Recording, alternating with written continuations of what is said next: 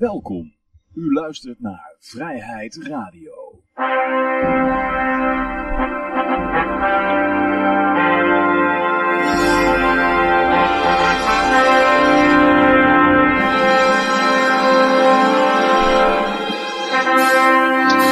Ja, dames en heren, jongens en meisjes, dit is weer een nieuwe aflevering van Vrijheid Radio. Leuk dat u luistert. We zitten hier gezellig in Café Libertaria met op dit moment uh, Yoshi, Rick en ik, Johan. En uh, ja, laten we beginnen gelijk met uh, goud, zilver, bitcoins en de staatsschuldmeter. Goud, dat meten we altijd in dollars per troy ounce.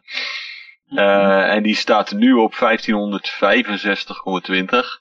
Uh, en ik vergelijk dat eventjes met, met ongeveer een jaar geleden. Dan zie je dat, oh, zo langzamerhand is dat een beetje aan het stijgen. Is het nu iets van 200 dollar hoger dan vorig jaar rond deze tijd. En dat heeft meer met de koers van de dollar te maken natuurlijk dan met het goud, hè? Ja, ja, ja. En even kijken, ja, Yoshi, jij weet vast wel hoe de bitcoin het gedaan heeft en eventueel nog andere crypto. Nou, het was weer een spektakel deze week op de markt. 10.000 gisteren. 10.000 dollar? de 10.000 en eroverheen. Op het moment uh, 10.3,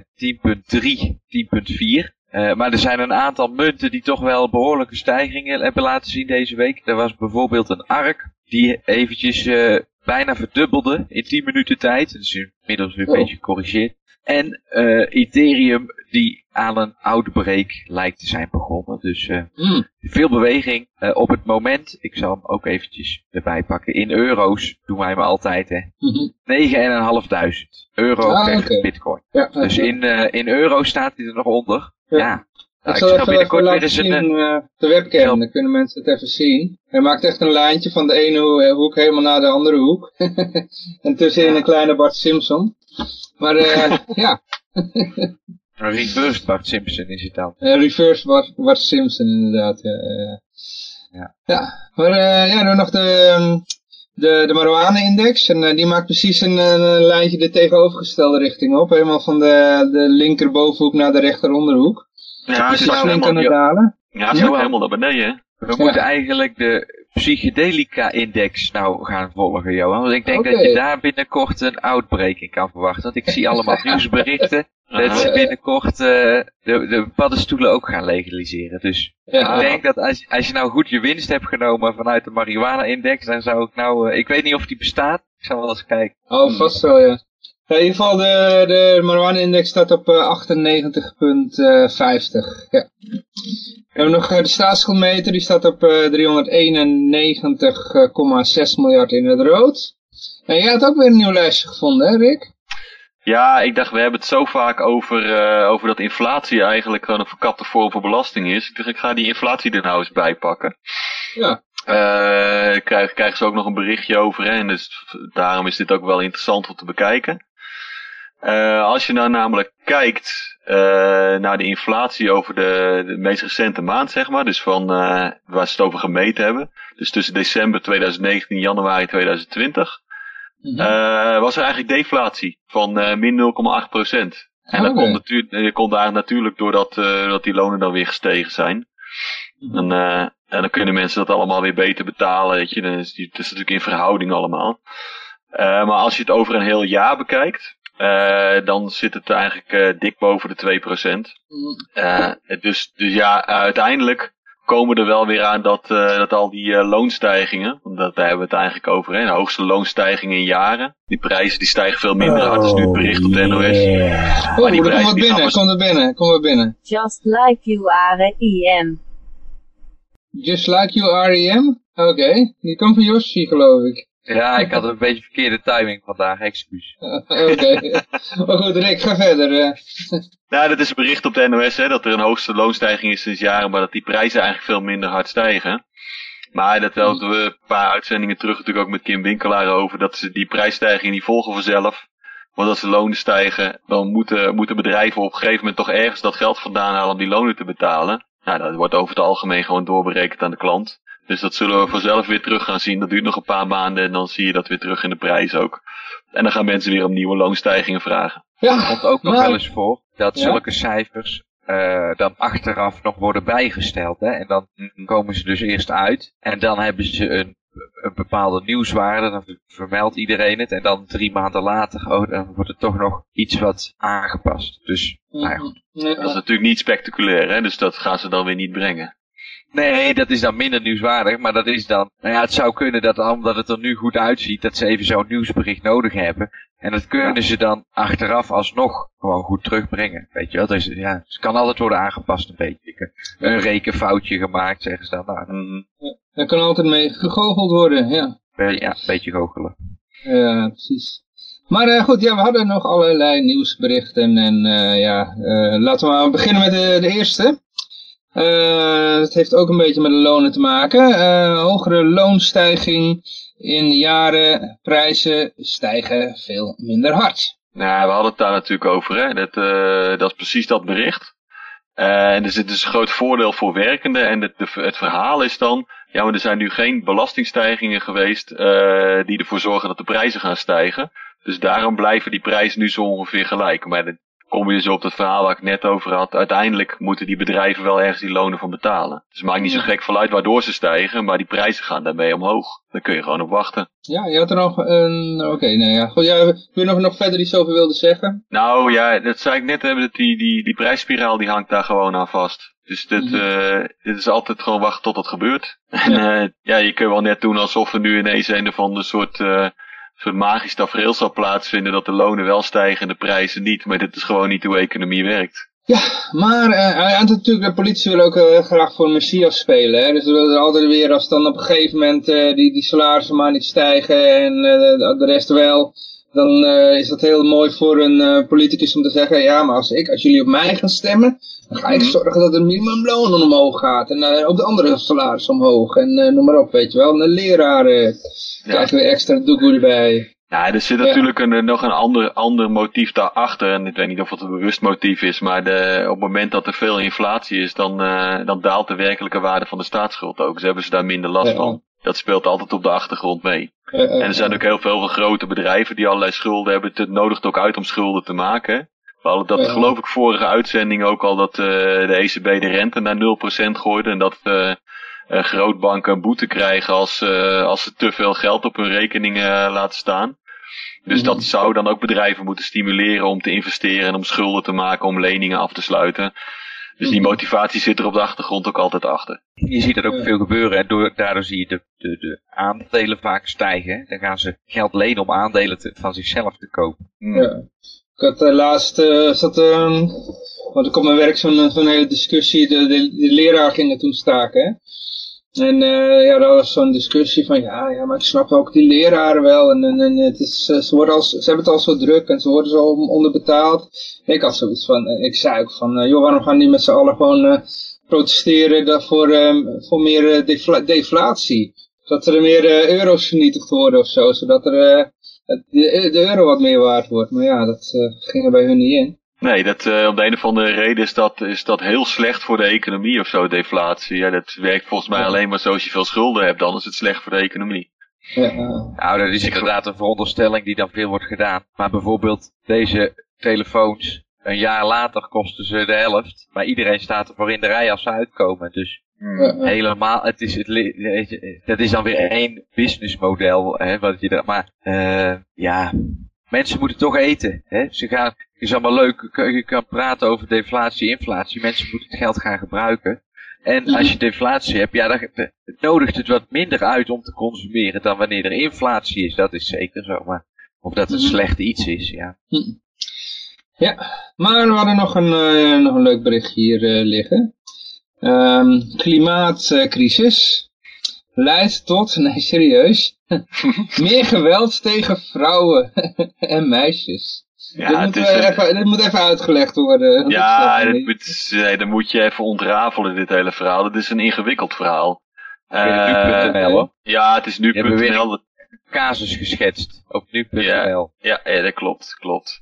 Eh, nou, wat, wat het verhaal is, is doordat, eh, doordat het nu zo, eh, zo droog is en er zo, zoveel dieren doodgaan, eh, moeten die vrouwen dus veel verder, eh, verder reizen om, eh, om nog voedsel te vinden en om hout te sprokkelen en om water te halen, weet je wel.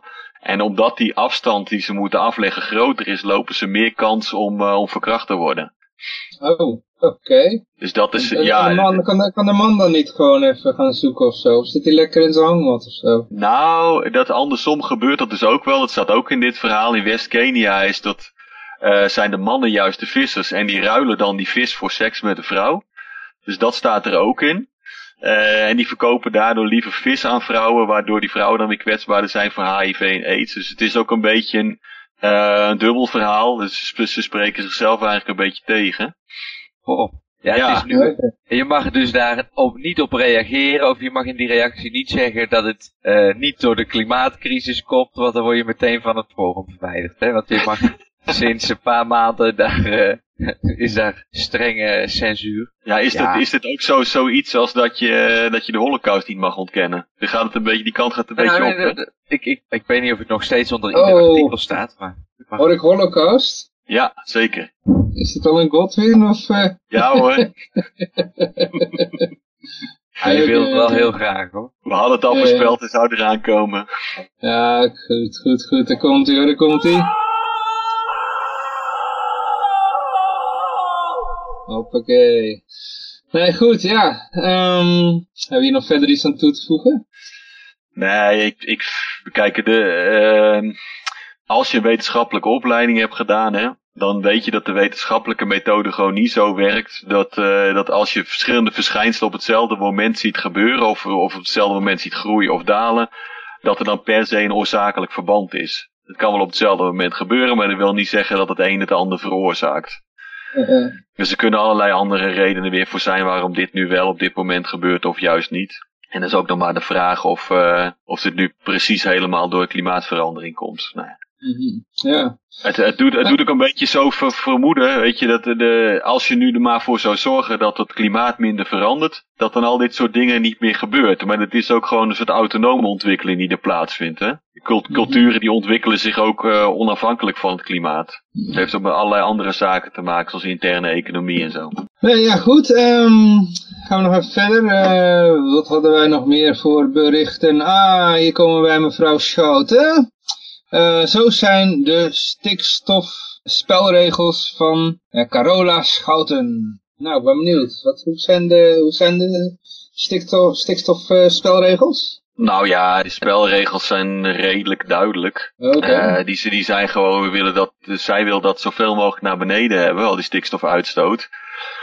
Eh, en dat voorstel ligt er natuurlijk nog steeds om eh, de maximumsnelheid terug te brengen tot, eh, tot 100 km per uur. Dat gaat als het goed is per, per maart in, hè? dus dat duurt niet zo lang meer. Mhm. En dat besluit gaan ze volgens mij ook niet terugdraaien.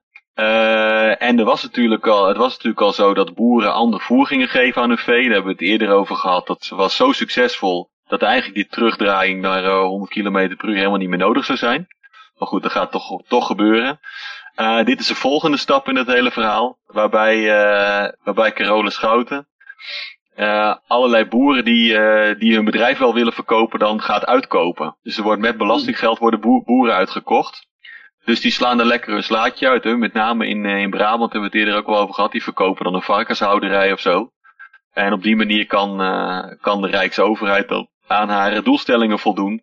En die boeren die houden lekker wat geld aan over. En belasting betalen, die, eh, die mag eh, de portemonnee trekken. Hm. Dat zijn de, de spelregels van Carole Schouten rondom stikstof. Oké, en we hebben niet eens kunnen kiezen hè, voor die, eh, die spelregels. Dat is gewoon, hoppa, zij heeft ze bepaald en Ja. we moeten ons Nou. dan maar eh, aan, aan zien te houden. Ik, ik refereer weer even aan Hans Wiegel, die we een paar uitzendingen geleden ook, waar we het ook over hebben gehad. Die zei altijd, mensen mogen eens in de vier jaar stemmen en daarna moeten ze hun mond houden. ja, dus dat is een beetje hoe dit werkt. Hè? Je hebt er zelf Dat vind ik ook altijd. Als Ja. je gaat stemmen, dan ben je ermee akkoord. Dan geef je je stem aan iemand anders. Dus, Ja. ja. ja. Ja, over stemmen gesproken, ik, eh, dat kan ik nu nog even melden. J- jullie weten het al natuurlijk, maar de luisteraar nog niet. Eh, we hebben, als het goed is, eh, volgende maand eh Furman Supreme. Ja, dat is helemaal te gek natuurlijk. Hè? De man met de laars op zijn Ja. hoofd, presidentskandidaat voor de LP in de Verenigde Staten. Ja, eh, En we, we hebben voor de lol al eventjes wat eh, filmpjes zitten bekijken van interviews die hij gegeven heeft in de Verenigde Staten. Dus dat wordt een eh dolkomische uitzending. ja, ja. Ja. Ook daar kun je voor kiezen. hè? Ja, Compliment naar jou dan maar, Johan. Hè? Dat je dan zo naar loopt te vissen. Ja. Ehm, goed, ja, dan scroll ik nog even. Want eh, ja, over de corona hebben we verder weinig te zeggen natuurlijk. Ja, er zijn allerlei mensen die vinden daar natuurlijk wat van. Hè? Dus dat Ja. landbouwcollectief is er niet blij mee dat die 350 miljoen naar die opkoop gaat.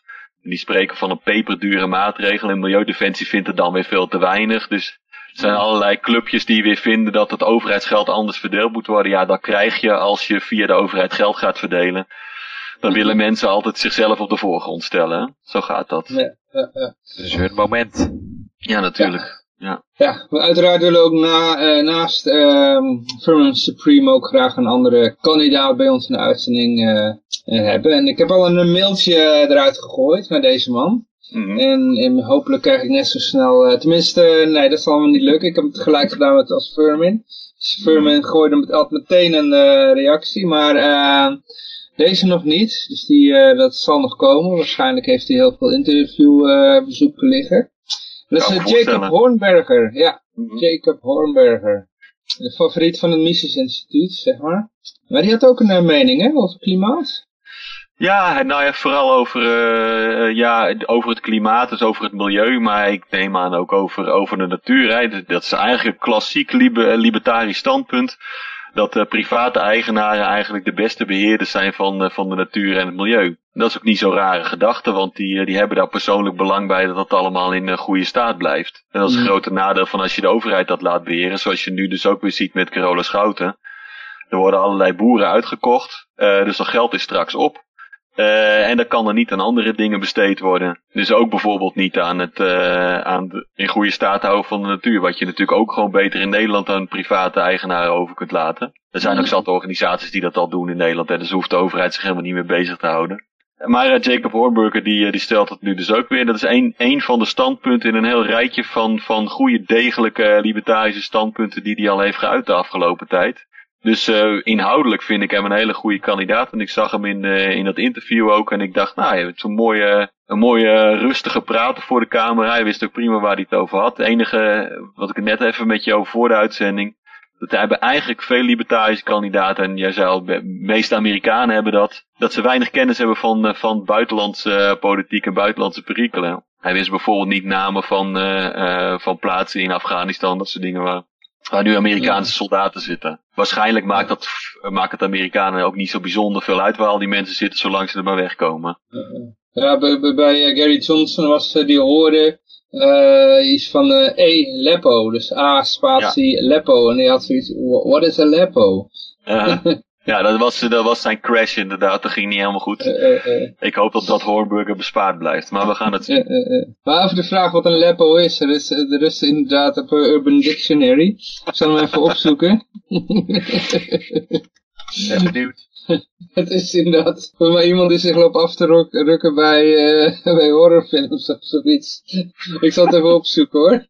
Volgens mij weet je het al, Johan. Ik hoor Ja, het ik heb het ooit een keer opgezocht. Het was inderdaad zoiets. Eh A thing that brings confusion in the form of a question. Ja, dat, dat is later toegevoegd. Maar ik heb toen op het moment zelf, heb ik nog even, ehm, toen eh dat, dat gedoe had met eh, Gary Johnson, toen stond er iets over iemand die zich liep af te rukken bij horrorfilms. maar goed, het is, ehm Nou ja, het is, het is ook iets in het, eh, in het Italiaans, hè. Leppo in het Italiaans is een, is een stinkend gas. oké. Dus er hangt niks positiefs aan dat woord. Ja, Ja, precies. Nou, hier is, hier is Leppo is mooi. oké. Ah, oké. En, en voor vrouwelijk is het dan Lepa. Ja, ja. Ja, eh je had nog een klein linkje eronder. Zag ik. Eh, bij eh, Jacob Hornburger. Ja. Oh, we gaan even kijken. Iowa een, is binnen staat erbij. Zijn nou? Iowa is binnen. Ja, hij heeft hem gewonnen inderdaad. Iowa heeft hij gewonnen. Jacob Hornburger. Ja, er zijn Ja, natuurlijk nog ja. zat staten die, eh, die moeten gebeuren, weet je. Maar de- hij lijkt op zich wel best wel goed te gaan. Hij heeft ook vertrouwen in dat het in andere staten dan wel goed zal lopen, zei hij in dat interview al. Eh, dus eh, ja, dat is goede hoop dat hij een aardig eind gaat komen. Ja, ja, En ja, nou goed, eh, we gaan het zien. Hè? ja, ja. Geloven we er zelf in dat iemand anders dan Trump het wint? Nee, niet de presidentsverkiezingen. Het gaat meer om de, de libertarische voorverkiezingen. Ja. Voor, voor welke verkiezingen zijn we dan uiteindelijk aan het voorverkiezen dan? Nee, maar ik zei dat eerder volgens mij ook al. Dat die, die hele deelname van de LP aan die presidentiële verkiezingen. Die heeft heel weinig te maken met de hoop dat het daadwerkelijk gaat gebeuren. Maar veel meer met, uh, met gewoon die libertarische boodschap breed verspreiden. En dat gaat met hem wel lukken, weet je. Hij is een hele degelijke, uh, inhoudelijk sterke man. Dus het, het lijkt, me, lijkt me mooi om in, in presidentiële debatten tegen te komen. Ja. Ah, de vraag is of er überhaupt nog een derde kandidaat bij mag komen. Hè? Dat, uh, de, degene die de debatten organiseren, dat is al, al jaren is dat zo. Eigenlijk sinds Ross Perot hebben ze zoiets van, we willen liever geen derde kandidaat er meer bij. Mm -hmm. Weet je wel, we willen geen Ros, nieuwe Ross Perot hebben. Nou, ik had de laatste discussie over met, uh, met, uh, met een Amerikaan. Die zei, ja, die zei ook van, weet je, uh, we weten ook wel dat Trump niet zo'n niet zo'n geschikte vent is, maar ja, hij is wel het beste van alle kwaden die er zijn. En ik dacht, ja. ja, dat, is toch, dat is toch heel triest als dat je conclusie is dat je maar aan dat twee partijenstelsel vast blijft hangen. Dat, maar ja, van zijn levensdagen niet dat er een meer partijenstelsel zal komen in de Verenigde Staten natuurlijk. Ik zou niet eens weten wat daarvoor moet gebeuren om het voor elkaar te krijgen. Nee, want die mensen zitten gewoon helemaal vast in hun denken ook. He, er zit, wordt zo, die hebben zo weinig, nou ik weet het niet, want ik ben er zelf ook nooit geweest. Maar ik, ik kan me voorstellen dat daar zo weinig nieuws van buiten de VS die mensen bereikt. Weet je dat klopt helemaal, ja, ja. Hele gesloten... Ja. ja. Ik ben daar verschillende keren geweest en dat, dat is inderdaad wel het geval. En, en ook dat denken in dat twee partijenstelsel is voor hun zo volstrekt logisch, dat ze niet eens op de gedachte komen dat er ook een andere optie is. Ja, ja een eenpartijstelsel, zoals in Noord-Korea. Ja, ja, precies. Nou, maar zij hebben altijd maar de gedachte dat ze echt wat te kiezen hebben, weet je. En ik, ik werk al jaren in de gehandicaptenzorg en, en een keuze uit twee opties is iets wat je, uh, wat je een zwaar verstandelijk gehandicapte aanbiedt omdat hij dan het idee heeft dat hij kan kiezen. Maar er eigenlijk je, jij van tevoren de opties al bepaald hebt, zodat er nooit wat slechts uit kan komen in jouw beleving. Chocola of vanille. Precies. ja, ho hoezo bleek selderij? Bestaat dat ook nog, weet je wel? ja, gewoon chocola vanille. Geen aardbei. Aardbei bestaat niet. Nee, precies. Aardbei. aardbei doen. We hebben altijd chocola vanille Vanille zul je krijgen. Aardbeien opsluiten, ja. En dan uh, registreren als, uh, als uh, stelt moeilijke vragen en opstandig ja, gedrag. Dat weet je toch, dat hebben we het veel eerder wel eens over gehad. Er is gewoon een officiële categorie in de, in de DSM-5. Hè? Dat is het, hoe noem je dat nou, boek waar, waar psychiaters in kijken om te kijken wat voor aandoening je hebt. En er staat ook de anti-autoritaire persoonlijkheidsstoornis in. Ja, uh, dus, dus, dit valt er dan onder. Ik denk als jij gaat twijfelen aan het Amerikaanse kiesstelsel, dan kun je daar best onder geschaard worden. En, in Nederland zou je dan waarschijnlijk ergens een rechtige, rechtelijke machtiging kunnen krijgen als je dat te ver doorvoert. Ja, het is wat dat betreft een dunne scheidslijn die er gemaakt wordt hè, bij dingen. Als je bijvoorbeeld net als ik met zo'n Liberland meedoet. Ja, nou, uh, ze proberen het. Nou ja, goed, ik zal er niks over zeggen. Ik zal er niks over zeggen. ja, en dan ja, zie je dus uiteindelijk heb je Hillary Clinton aan de ene kant en Trump aan de andere kant. Nou, en dan denk je dat je een geweldige keuze kan maken. Mm -hmm. uh, ja. En de Republikeinen bestaan eigenlijk sinds uh, eind jaren 50 van de 19e eeuw. Uh, dat was toen de, een, een, een fusie van anti, allerlei anti-abolitionistische bewegingen. Zeg maar. Mm -hmm. Waarvan eentje ook weer een afsplitsing was van de Democraten trouwens. Hè? Dus, ja. ja, beetje vergelijkbaar met, met de VVD die, die van de socialistische voorvader afstamt. Ja, ja, ja. Ja. Nou, dat, dat is ook uh, iets, iets anders. Het was de Vrijzinnige Partij, die was samengegaan met uh, de SDAP om een soort meerderheid te volgen. En dat was uh, na de Tweede Wereldoorlog, dat is voor de Tweede Wereldoorlog, toen kwam de Tweede Wereldoorlog. En daarna is die ene vrijzinnige lid is toen weer vertrokken eigenlijk.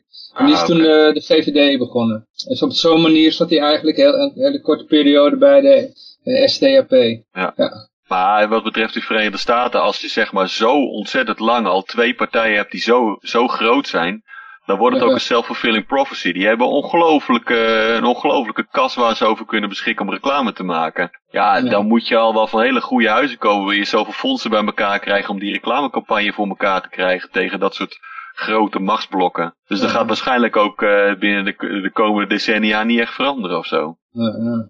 Maar, dat, kijk, het geld wat Trump vorige keer meenam is niet niks, maar was wel een stuk kleiner al als wat het in de traditionele zin was. Eh, vier jaar daarvoor of met, eh, nou en, en ja, ik, ik weet het niet. Ik denk dat er tegenwoordig met steeds andere soorten media ook een ander soort eh, eh, budget nodig zal zijn. niet hetzelfde als vroeger. Dan had je de, gaven al die mediakanalen gaven miljarden. Want dan kon jij op de televisie gaan, kon je het weer teruggeven met advertenties. Weet je wel. Maar tegenwoordig zijn die advertenties veel meer gespreid. Mhm. Nou ja, goed. Ik, dus ik, ja. Ja, er zit, er zit iets, uh, het gaat nu volgens mij een beetje anders dan dat het eerder ging. Want waar je eerder gewoon een bak geld er tegenaan kon smijten en dan een televisiereclame had. Want dat was ongeveer het enige medium samen met de krant en de radio misschien. Heb je tegenwoordig op internet dat je zo ontzettend diepgaand onderzoek hebt naar uh, wie nu eigenlijk je kiezers zouden kunnen zijn. En hele rekenmodellen met big data waaruit je kunt uh,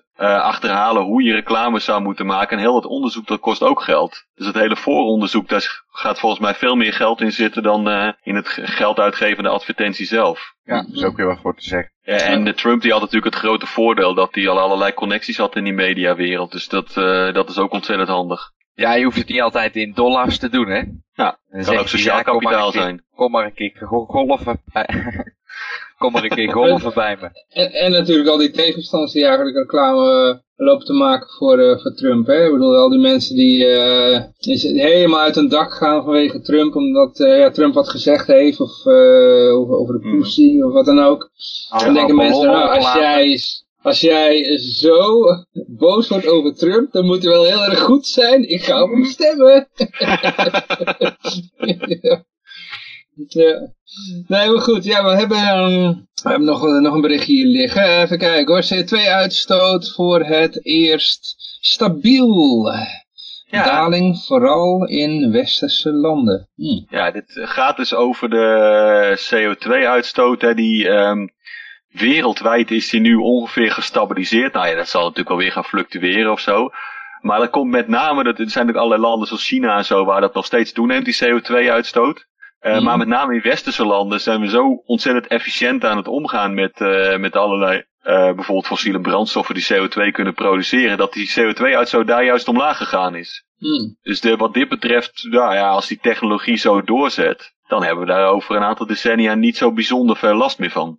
Mm. Maar dit is, dit is een heel uitgebreid, ingewikkeld verhaal natuurlijk, die, die hele klimaatdiscussie waar we mensen dan alleen verhalen aanhalen over de permafrost die gaat smelten, de zeespiegelstijging en de methaan die vrijkomt en wat allemaal niet meer. Uh, maar er wordt er steeds maar van uitgegaan, in die modellen die ze gebruiken, dat die stand van de technologie hetzelfde blijft. Mm. En dat is natuurlijk niet zo. Die wordt ook wel steeds beter. We hebben het vorige uitzending ook over gehad dat uh, de groei in, uh, in het gebruik van zogenaamde milieuvriendelijke uh, techniek om energie op te wekken, dat die heel erg marginaal is.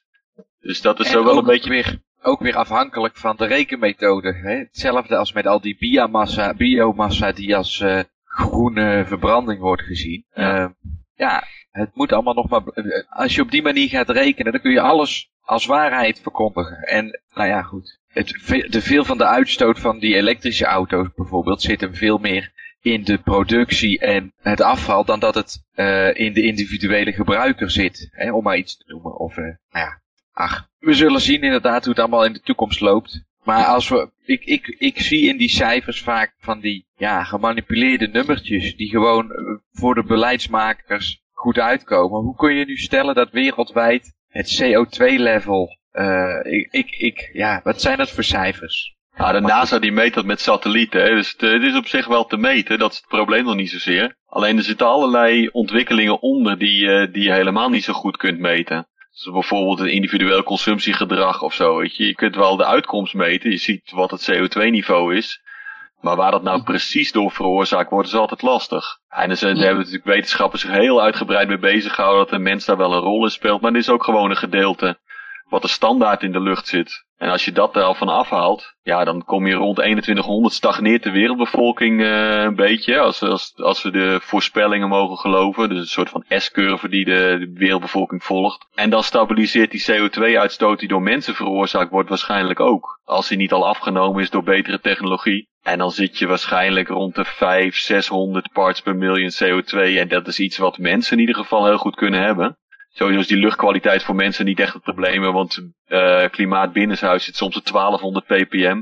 Dat is de bovengrens die het mag hebben, dus dat gaat allemaal wel. Maar dit gaat veel meer over zeespiegelstijgingen en, uh, de temperatuur op aarde, wat voor gevolgen dat heeft. Het is niet dat de mensen niet overleeft, alleen het heeft allerlei geopolitieke gevolgen als het zo doorzet zoals ze voorspellen. Bijvoorbeeld in, uh, in, in Afrika de hele boel uitdroogt. Dan hebben zij het idee dat al die mensen zich over de hele aarde gaan verspreiden. En dat we daar last van gaan krijgen. Dat is nog maar een beetje de vraag of dat allemaal zo gaat gebeuren. Hè? Maar uh, en, en de zeespiegelstijging is natuurlijk een ding, want in Nederland kunnen we dat aardig tegengaan door, door dijken te verhogen en door uh, bijvoorbeeld uh, de boel weg te pompen uit allerlei polders. Maar in landen als Bangladesh wordt dat heel erg lastig. Ja, hoe heet die ook alweer? Rutger uh, die had er van de week een heel stuk over. Groot in de Oh, oké. media. Uh, Rechter Bre- Brechtman. Ja, het water komt. Want die zegt dus, we kunnen het niet tegenhouden, hè. Maar ja, goed. Oh ja, die woonde, waar woont hij?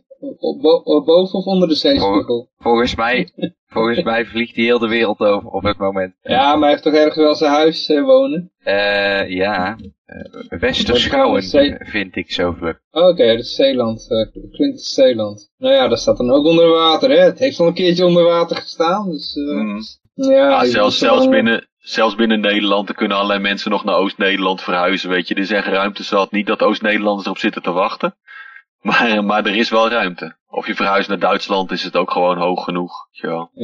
Mhm. Wat er eerst zal gebeuren in ieder geval is dat al die prijzen van de, van de waterschap omhoog gaan. Omdat ze veel meer water weg moeten pompen. En dat heeft Ja. al het effect dat mensen daar dan gaan vertrekken omdat de kosten hun te hoog worden. Ja, ik denk, kijk, zolang een bank, ik denk dat banken daar sowieso wel onderzoek naar doen. En zolang banken nog gewoon hypotheken verstrekken voor eh, plaatsen zoals Gouda of eh, wat volgens mij het diepste punt is, hè, in Nederland. Eh, het diepste Ja. punt, eh, dat is interessant. Ik, ik denk dat het Flevopolder is, toch? Ja, Flevopolder, maar Gouda ligt ook, eh, want die zinkt zelfs, hè. Ja, zolang die daar nog gewoon een hypotheek kan krijgen, denk ik dat, eh, dat we ons niet druk hoeven te maken.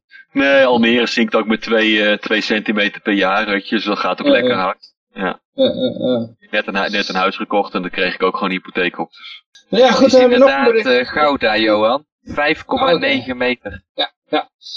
Nee, goed, ehm, nog een eh, berichtje. Mag de overheid de vrijheid beperken vanwege een epidemie? Ja, dit gaat natuurlijk over dat coronavirus. En dat sluit mooi aan bij dat, bij dat vorige bericht over eh, of een overheid dan mag ingrijpen bij zo'n klimaatcrisis en allerlei persoonlijke beperkingen mag opleggen wat mensen wel en niet mogen doen. Eh, want in China, daar zijn nu hele, hele steden afgesloten, hele steden in quarantaine. Dat doet me een beetje denken aan, eh, aan de tijden van dat, eh, dat de pest in Europa heerste en de, en de paus zich achter allerlei vuren ging verschuilen om, eh, om het maar niet te krijgen. Ze hebben nu in China echt hele, hele steden gewoon eh, afgesloten en in quarantaine gezet. Die maken zich daar extreem druk over.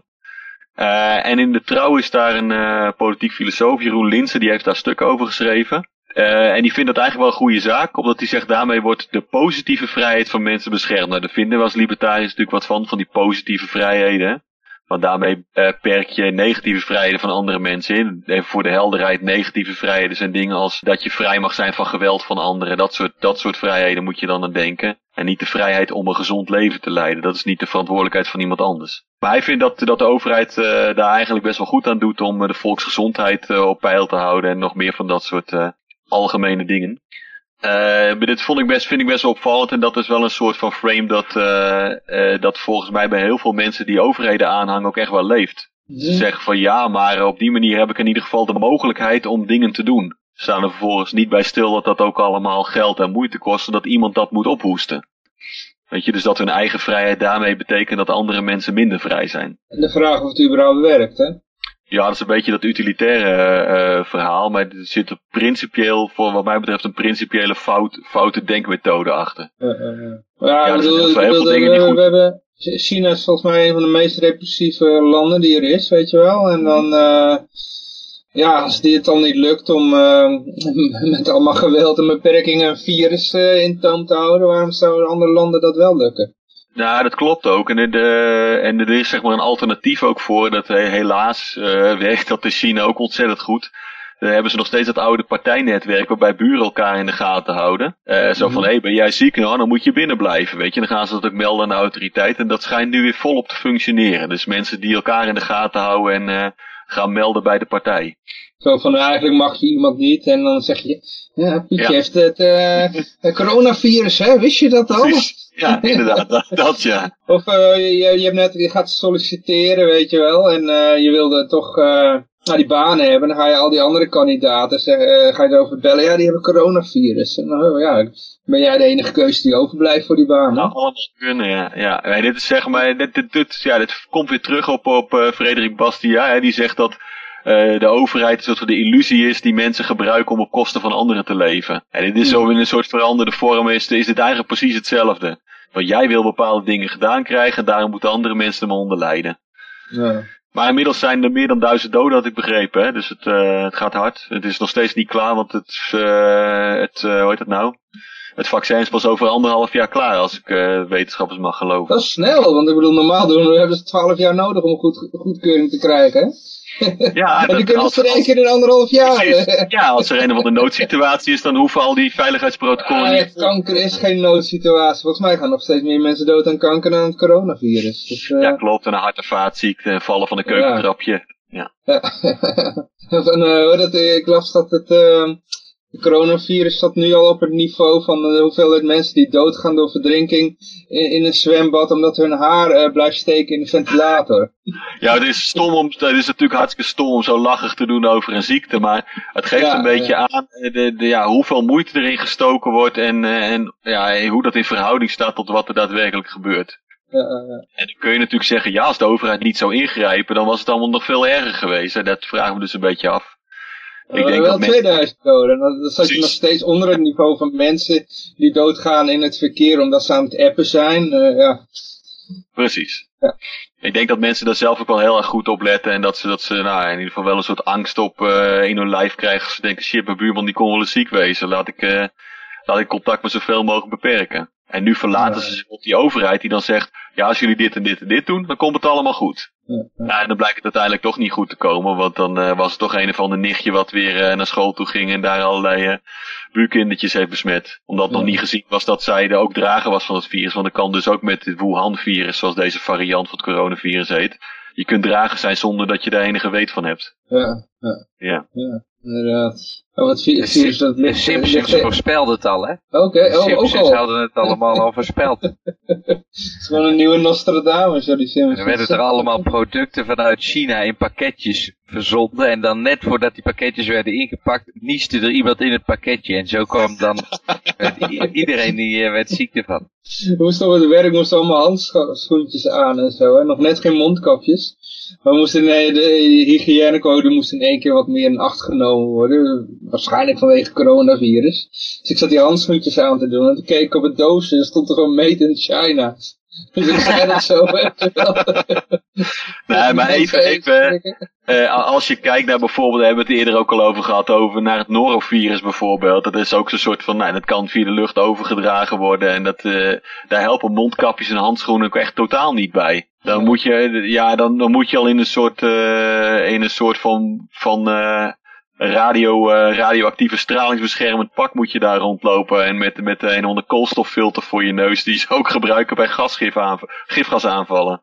Dus die moet je dan gaan verkopen op je webshop. Ja, precies. Coronafilter. Ja. Cor met coronafilter. Ja.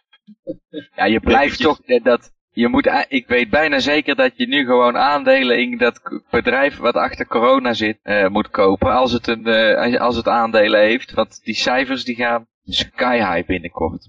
Elke keer als je het woord hoort... Uh, van het zijn bedoel je? Nee, ik bedoel van het biertje. Elke oh, keer als je het hoort, dan denk je toch ook aan corona. Ja, ja, ja. ja.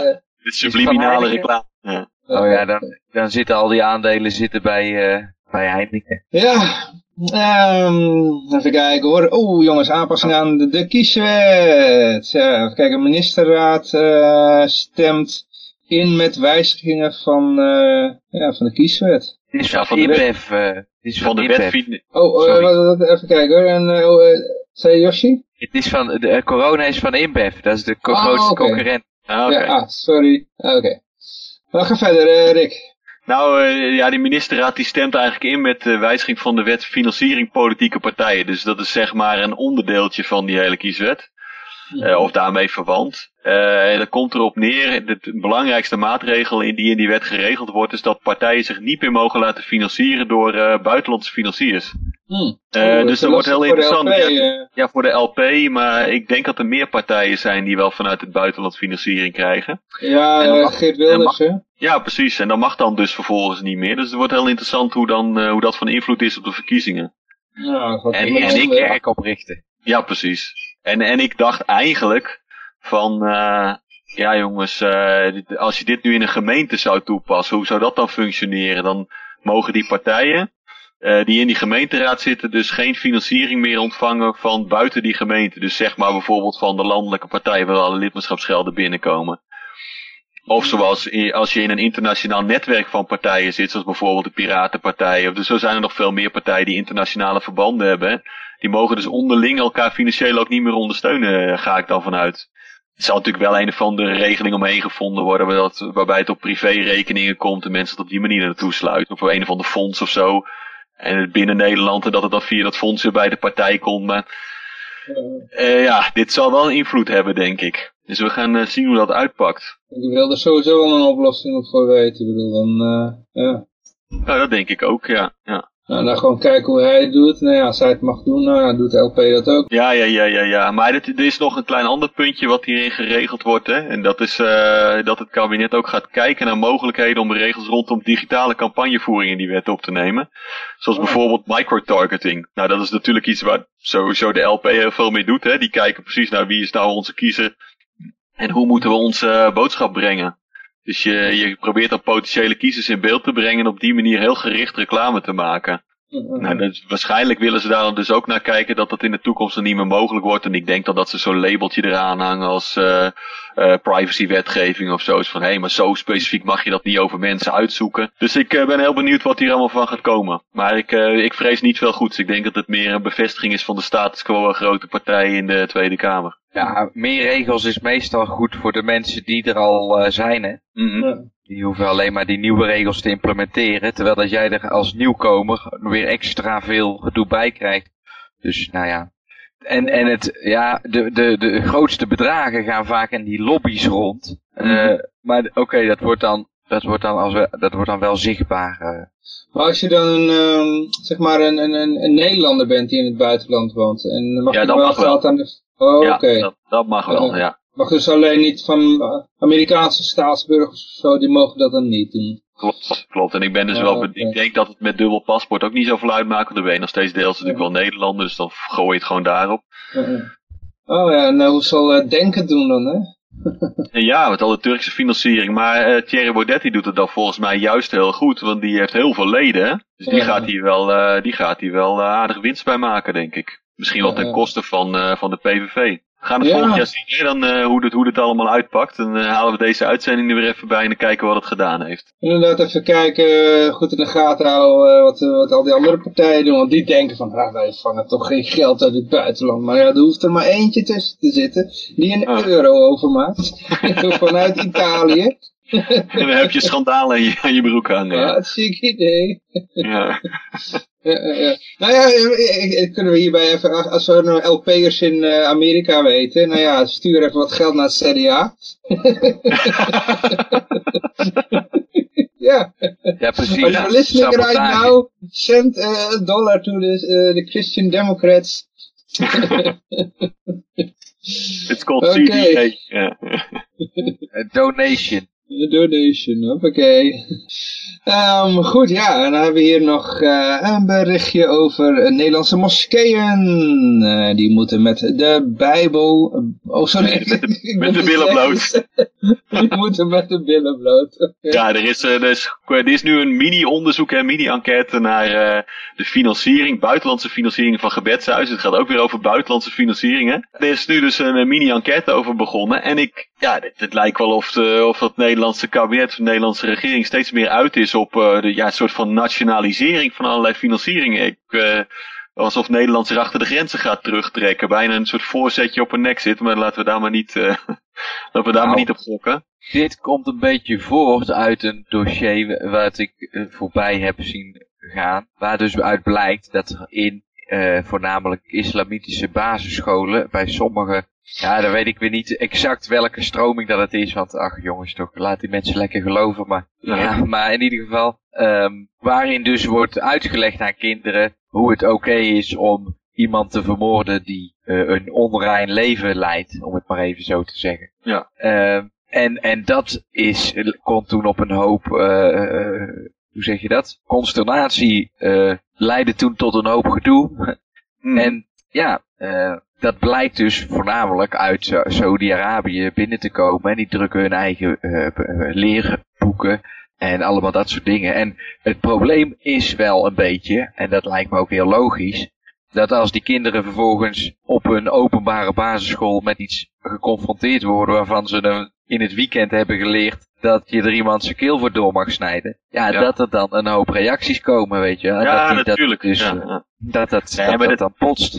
Dat vind ik ook niet raar, dat je, dat je zeg maar uh, monitort voor wat voor, uh, wat voor handelingen er voortkomen uit uitspraken en, en doctrines die er, uh, die er over het publiek uitgestrooid worden. Maar dat zit hem in als er daadwerkelijk iets gebeurt. Hè. We hebben het straks ook nog wel over een paar berichtjes van slachtofferloze overtredingen.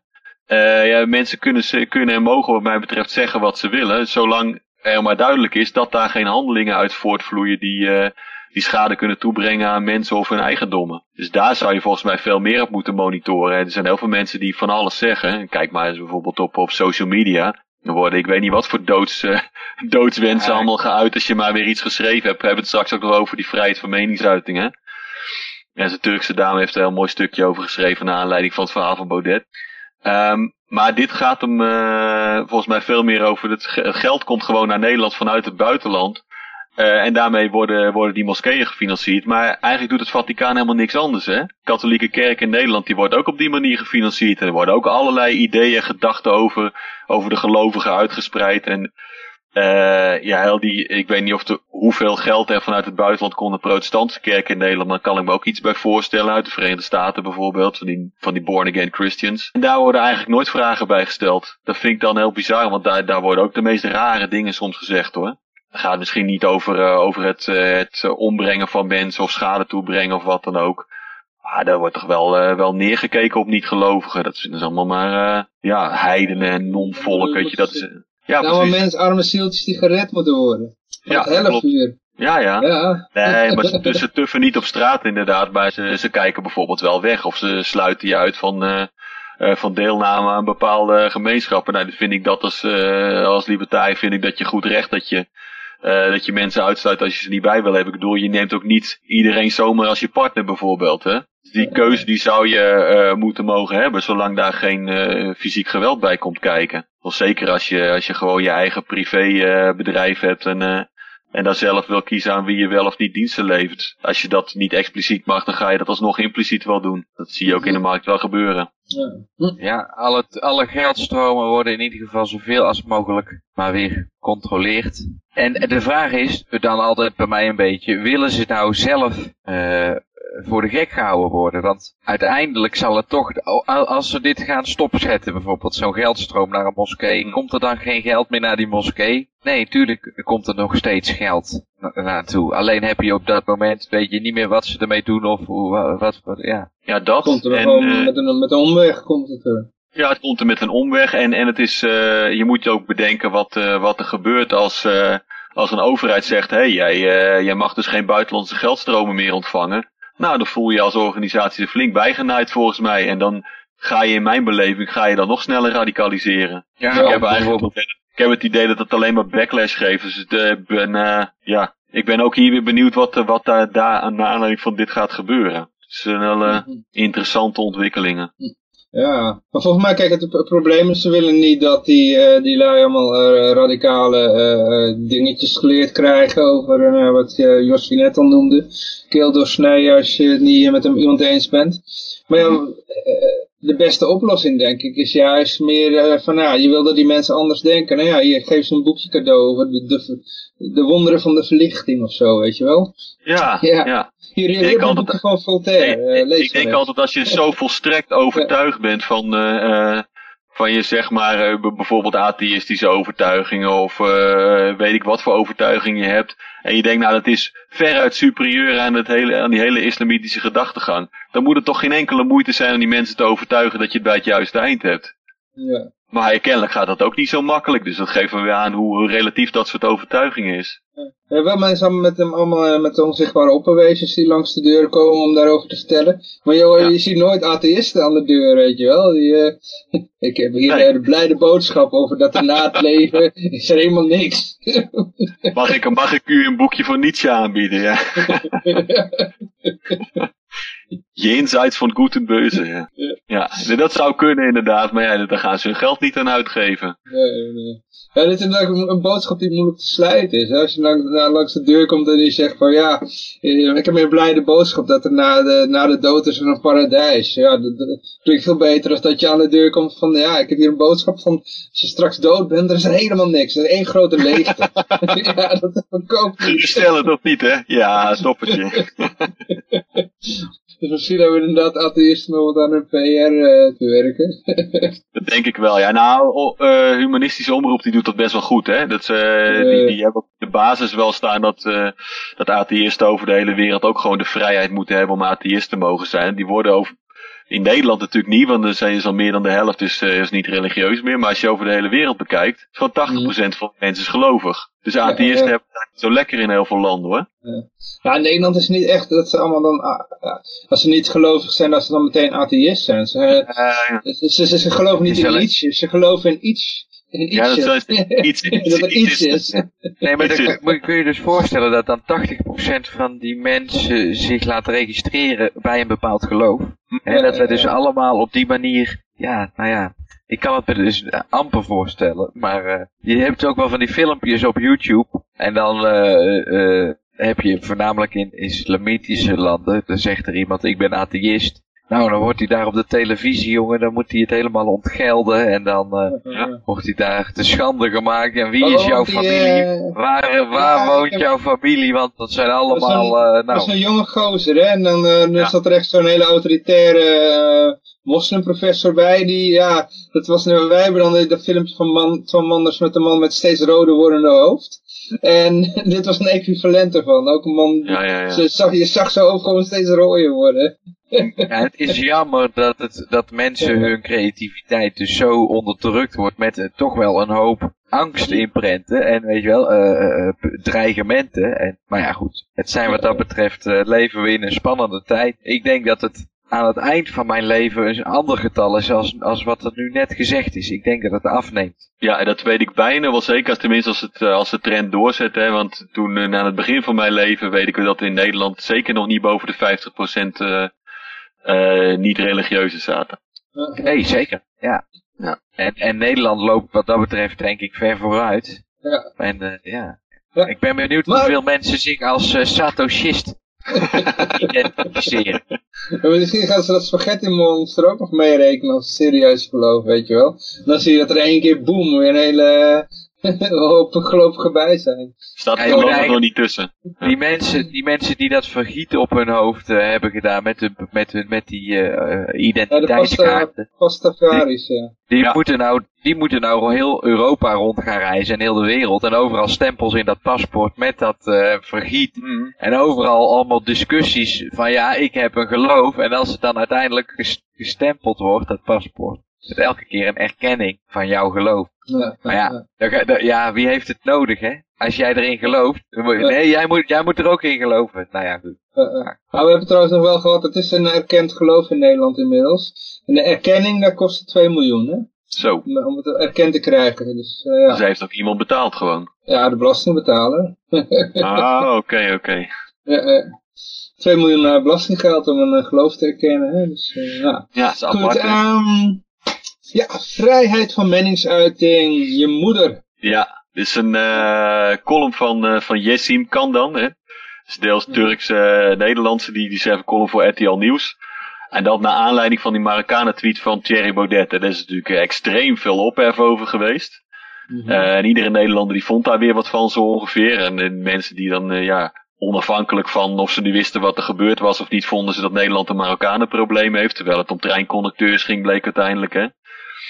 Eh, en, en mensen die zeiden van, eh, je moet niet gelijk die Marokkanen beschuldigen, al voordat ze überhaupt wisten wat er gebeurd was. Dus het is en een de soort. Marokkanen waren ook weer beledigd omdat ze voor treinconducteur werden uitgemaakt. eh. Precies, het is een het soort, soort feit, feitenvrije discussies geworden tegenwoordig. Nou ja, dit is natuurlijk allemaal vrijheid van meningsuiting, maar wel feitenvrije vrijheid van meningsuiting. Dat is, wordt het, ja, dat, dat wordt allemaal interessant, hè?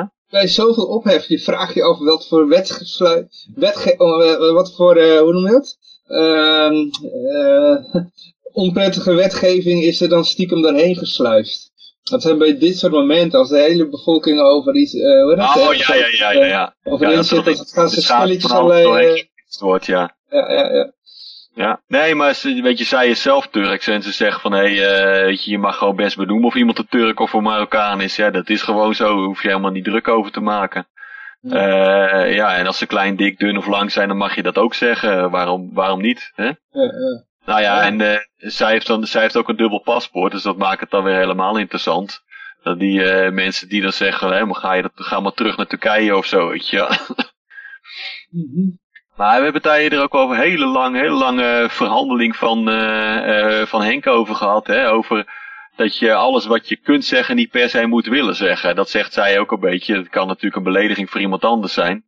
Maar ja, eh, weet je, het vo- voornaamste was dat Thierry Baudet gewoon onzin heeft lopen verkopen. Mhm. Dus eh, ja, dan kun je van alles wel roepen. En dan ontstaat er al een discussie waar, waarin dat feit dat hij eigenlijk gewoon onzin heeft lopen roepen helemaal op de achtergrond verdwijnt. En dat doet er dan al niet eens meer toe. Mhm. En Baudet die houdt zich intussen gewoon eh, ontzettend opvallend rustig hierover. Ja, zijn naam wordt steeds weer genoemd, hè. Ik bedoel, Uh, waar worden genoemd? We worden genoemd. ja, maar vooral het is voor Coca-Cola. Ik bedoel, dat een hele goedkope reclame voor Coca-Cola zou zijn. eh, dan tweet iemand van Coca-Cola Company eh, tweet iets over een Marokkaan wat niet helemaal juist is. En dan heeft- gaat iedereen het over Coca-Cola hebben die iets gezegd heeft. Maar de naam Ja. Coca-Cola wordt steeds genoemd. Ja, ja, Het is een ja. gratis reclame. Ik bedoel, eh, ja. Natuurlijk, net als bij Trump hè, hadden we het net ook over, ja. ja. Ja, ja, ja. Misschien moet LP dat ook gewoon doen, weet je wel. Ja. Hm. Maar ja, Maar- dan, dan heb je, ja. Mag, Ja? mag ik vast overgaan naar, we hebben de volgorde een beetje omgegooid, naar, de, naar die bakker die zijn moorkop geen eh, roomkop mag noemen. Ja, ja, ja, dat sluit wel een beetje Ja. op aan, ja. Ja, die sluit er wel op aan, want die, eh, ja, ja, hij mag toch zelf kiezen hoe hij hoe die zijn producten noemt. Maar nee, dat mag dus niet, want dat lijkt er te veel op. Oké. Eh, dus hij werd teruggefloten door de Nederlandse Voedsel- en Warenautoriteit. Dat hij dat niet mocht Oh. doen. Sinds kort is die naam moorkop verboden. Hè? En dat, eh, althans, eh, het is in ieder geval door de, door de HEMA bijvoorbeeld is dat er weer omgezet in een, hoe noemden ze het ook alweer? Een chocolade, chocolade soes of zoiets. Hm. Eh, maar goed, die bakker die, die wilde dat dus gewoon, wilde dat gewoon een roomkop noemen, maar dat mocht niet. oh, de chocoladebol noemde de HEMA dat, ja. Ja. Ja, en eh, Oké. het gaat die vrijheidsvermeningsuiting. Dat, als, die, als een bepaalde naam dan als kwetsend wordt ervaren, dan moet die in de ban. Uiteindelijk kan je natuurlijk helemaal niks meer zeggen. Eh, ik geloof dat we nog wel steeds jodenkoeken hebben, dus ik ben benieuwd wanneer dat eruit gaat. Maar als je daarover begint, dan brengt helemaal eh, het einde. Want hoe kan dat dan, hoe kan dat dan negatief zijn, jodenkoek? Hè? Ja. Dat is een koek, is toch een positief koekje? Daar word je toch vrolijk van? Dus als jij Dat gaat zeggen dat een, jodenkoek ehm, een belediging is, ja, dan, dan ben jij aan het beledigen op dat moment. Want dan zeg jij van, ja, kijk, dit is een belediging. En dan zeggen al die joden, hoezo, wij hebben gewoon lekkere koekjes. Hou jij Ja, dan dat- niet van Ja, jodenkoek? maar dan gaan ze, dan gaan ze natuurlijk eh, in op de hele geschiedenis van die naam, weet je. Er zit waarschijnlijk wel weer een verhaal achter.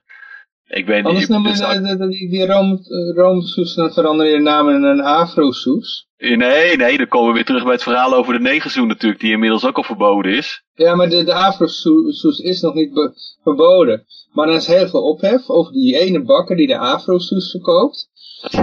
Dus wordt zijn naam weer genoemd. Voor reclame. En dan willen mensen toch wel weten hoe die smaakt. En, dan, en hij kan erbij zeggen, ja, maar waarom is het zo erg? We hebben de lekkerste soes. En die hebben we naar Afrikanen vernoemd. Daar moeten ze trots op zijn. En dan willen mensen wel weten hoe die smaakt, weet je wel. Dan verkoopt hij Ja. weer een hele zooi. Precies. Maar wat ik heel mooi vind, is dat eh, eh, dit is een stuk uit de Telegraaf waarin dit verhaal genoemd wordt. Eh, Dus zo'n cultuurfilosoof, Sebastian Valkenberg, die, eh, die heeft het daar ook over. Die zegt dat er tegenwoordig een soort taalkuising aan de gang, waarbij allerlei woorden ineens niet meer mogen. En die taal die wordt dan een soort mijnenveld op een gegeven moment. Je moet, je moet gewoon als je niet in een nieuwe generatie zit waarbij je, waarbij je alle woorden kent die je niet mag gebruiken, dan moet je als het voor oud gediende moet je ongelooflijk opletten wat je zegt. Dan kan je maar beter je mond houden in het vervolg. Zie je allemaal zwijgende mensen over straat lopen. Ja, waarom zeg je niks? Ja, ik weet niet of ik wat raar zal zeggen, dus ik zeg maar niks meer. Ja. Ja, dan krijg je weer een extreme zwijgcultuur. ja. Ze hadden ook nog de reactie, de re- reactie van eh, Irene Moors gevraagd, maar die, die, die hield zich... eh, Eh, hield zich eh, buiten, de, buiten de schijnwerpers in deze Ja, die situatie. wilde, die wilde, eh, wilde misschien gewoon eh, persoons, eh, persoonsrecht daarop laten uitoefenen. En zich laten uitbetalen in leesjes. Maar jongens, we hebben nog eh, 10 minuten en ik heb nog twee berichtjes. En eh, ik doe ze even... ja, ze zijn een beetje aan elkaar gerelateerd. Ik begin even met YouTube. Eh, want eh, ja, eh, je misschien moet Vrijheid Radio er ook aan geloven. Want we moeten zo'n keurmerk hebben. Dat, eh, ja, dat de botten gaat vallen bij ons, zeg maar. Voorlopig, voorlopig geldt het alleen nog maar voor, eh, voor echte grote kanalen, hè, met, met, met eh, miljoenen kijkers en zo. Eh, maar er is een waarschuwing voor seks en geweld die dus binnenkort op die YouTube filmpjes moet kijken. YouTube films krijgen een kijkwijzer. Lezen wij op, op RTL Nieuws. En de overheid die, die wil dus kinderen beter beschermen. Ja, er zijn natuurlijk heel veel kinderen die daar naar kijken. Eh, weet je, ik weet niet of de overheid dat weet, maar je hebt gewoon eh, al een standaard YouTube filter voor kinderen waarbij je dat soort dingen helemaal niet ziet. Dus ik vraag Ja. me af wat de eerwaarde hiervan is. Als ouders dat zelf willen, willen regelen, dan doen ze dat al. Dus je bent toch ook kind geweest, eh, Rick? Ja, dan ging je natuurlijk juist dingen kijken die je niet mocht kijken. Ja, precies. Je wat voor label staat erop? Dan moet ik zien, weet je. Boven, dus eh, dan ging je kijken wat voor label die staat erop. Dan moet ik zien. Boven de 16, fantastisch, gaan we kijken. Nu als je Ja. natuurlijk zien. Nee, maar dat, eh, eh, ja, dat is best, best bijzonder. En, en eh, nou, ja, de- de- hier zien we het waarschijnlijk een eindje verderop in het artikel. Zie je de waarschijnlijke reden daarvoor. Want als YouTube dat niet doet, dan krijgen ze een grote boete. Ja, daar is het allemaal om te Ja. doen. extra inkomsten. Je. wel. Het is al lang geregeld, maar ja, eh, op deze manier kun je er dan nog weer geld uitslaan. Eh, eh, eh. Apart, het komt allemaal apart. van die eh, streng gelovige Arie Slop, hè? Oh, ja, hij is ChristenUnie, dus het is redelijk streng geloven, maar ook weer niet zo streng als de SGP. Ja, maar ja, toch, ga je zult niet stelen. Maar ja, op deze manier mag het dan weer wel, hè? Als de overheid steelt, is het geen stelen. hè? Nee, dan is het geen stelen, nee. Nee.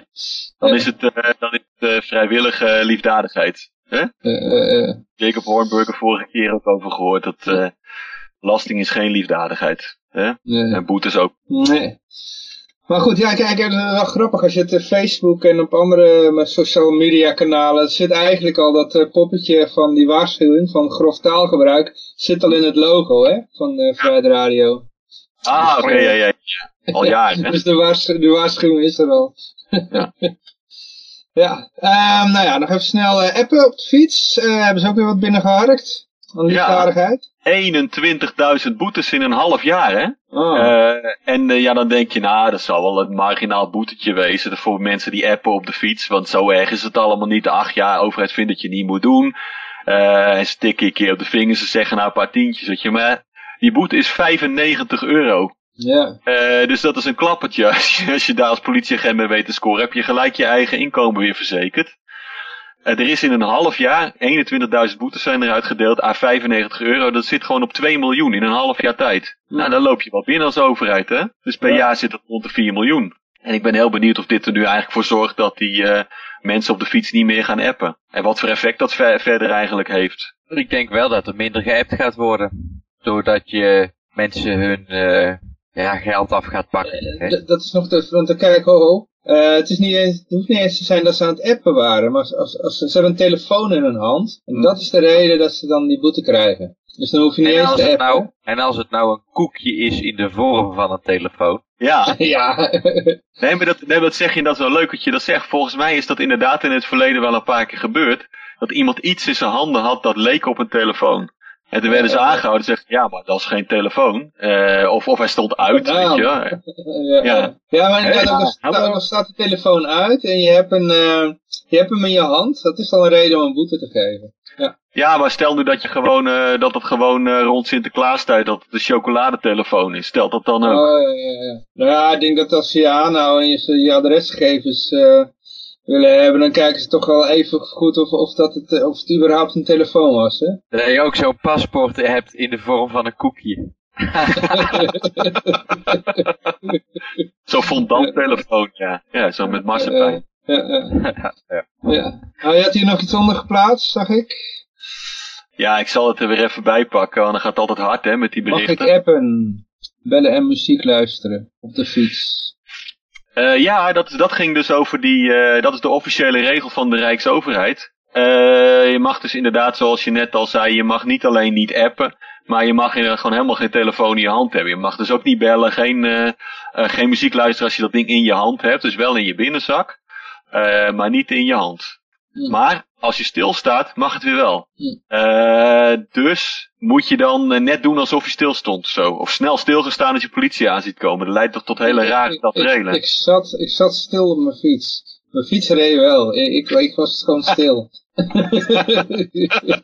Ik heb autopilot aangezet. Nou, dat is leuk hè. Eh, dat is, ik geloof anderhalf, twee jaar terug had Google, had zo, volgens mij rond 1 april, hadden ze, eh, hadden ze zo'n filmpje online gezet van een zelfrijdende fiets. Ja, ja, ja. En als dat nog een keer op de markt komt, dan zou dat helemaal kunnen. Ja, ja, ja, ja, ja. Nee, maar ik denk serieus dat als, als je dit dus weet, dat je stil moet staan en dat je hem dan wel mag gebruiken, dat mensen dan ineens keihard op de rem gaan en denken, oh shit, ik zie politie, op, snel stilstaan. Dan zie je ineens een hele groep stilstaande appende mensen met een fiets in de hand. Dan is de politie weer weg, hop, allemaal weer bewegen. Dat geeft heel Dat zou een interessante Monty Python kunnen komen. Ja. maar goed, eh, ja, we zijn aan het einde gekomen van de uitzending. En jij moet over een paar minuten de auto in. Dus, eh, Ik zal heb, je nog één laatste, ik heb nog een laatste nieuwtje, Johan. Die Oh is ja, net ja. binnengekomen. Eh, de, eh, binnenkort is de creditmunt van Altilli.com te verhandelen op de stacks.com. Op dit moment als je, kun je de eerste test deposit maken. Dus Oké, ja, ik een verwacht binnen credit? 24 uur. Eh, is dat jouw, jouw nieuwe muntje of zo? Of, eh? Nee, maar dat is wel, die, die- dat is wel waar mijn nieuwe eh, munt op gelist gaat worden als token. Oké, oké. Ja, ja, goed, ja. Prima, stoppie. Ja. Ja. Ik wil nog wel een laatste dingetje kwijt waarom ik nu weg moet. Ik ga namelijk naar het seminar Goede Start met de Belastingdienst. Want ik ben Ja. een eigen bedrijf aan het opzetten. En dan moet je dus, ja, dit, we hebben inmiddels alweer allemaal post gehad van de Belastingdienst. Met allemaal eh, inschattingen van ons inkomen dat we helemaal niet hebben. Dus we gaan even langs bij het seminar Goede Start met de Belastingdienst. En dan hopen we dat we dat allemaal een beetje glad kunnen strijken. Dat we onze maffiabazen weer tevreden kunnen stellen. Hè? Ja, ja. Nou in ieder geval succes eh, Rick. En eh, nou ja, goed, eh, dankjewel voor het meedoen. En Josje ook uiteraard en ikzelf. En ja, de luisteraars, hartelijk dank voor het luisteren. Uiteraard zijn we volgende week weer. Ik wens iedereen een vrolijk en vooral nog heel erg vrije week toe. En hier is de eindtune. Ja.